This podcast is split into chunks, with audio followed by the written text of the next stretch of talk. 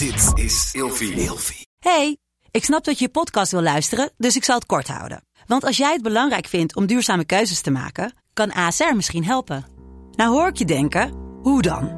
Nou, bijvoorbeeld bij het duurzaam herstellen van schade. Of de premies die we beleggen volgens ons duurzaam beleggingsbeleid. Dat bepaalt waar we wel en juist niet in investeren. Wil je meer weten over welke duurzame keuzes ASR maakt? Ga dan naar asr.nl slash duurzame keuzes. ASR doet het. Zo, dan kan je nu lekker naar je podcast luisteren. Vroeger.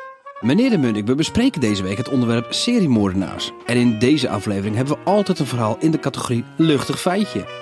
We gaan het hebben over een vrouw die dacht dat ze Dracula was. Ja, Elisabeth Báthory is een Hongaarse gravin die in, in een kasteel woonde wat, in, wat de tegenwoordige Slowakije is. Eh, Zij is een van de bekendste seriemoordenaressen in de Slovaakse en Hongaarse geschiedenis en staat in het Guinness Book of Records als moordenares met de meeste doden op haar naam. Het Guinness Book of Records. Ja, Het absoluut. is toch een raar boek. Nee, echt, echt waar. En Báthory en haar eh, vier vermeende handlangers werden opgepakt op verdenking van het martelen en vermoorden van 30 tot 40 meisjes, jonge vrouwen, naar aanleiding van verklaringen van dorpsbewoners uit die tijd. Er gaan echter verhalen dat het in werkelijkheid kan oplopen tot 2000 jonge vrouwen. Nou, hoe komt dit nou? Zij was een soort vrouwelijke Dracula. Zij dacht dus dat bloed haar jong hield.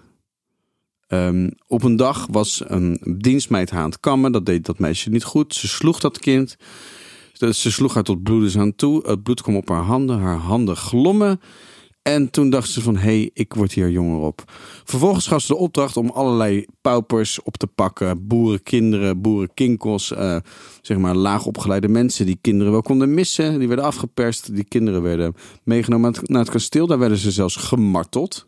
Waarom? Ehm, dit martelen had de beste gravin van haar man geleerd. Dat was een militair. Die militair was veel van huis en uit verveling ging zij over tot martelen van die ja, jonge meiden.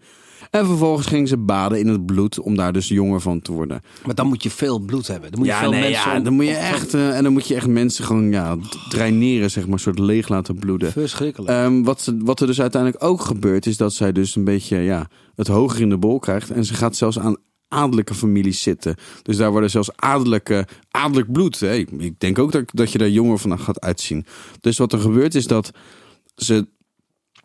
Ja, die adellijke families die worden dus ook geplaagd door haar bloeddorst. Nou, vervolgens wordt dat iedereen in het dorp veel te gortig. Ze komen in opstand, of in ieder geval ze wordt aangegeven. De gravin en haar handlangers worden opgepakt. En uiteindelijk sterven ze in de cel.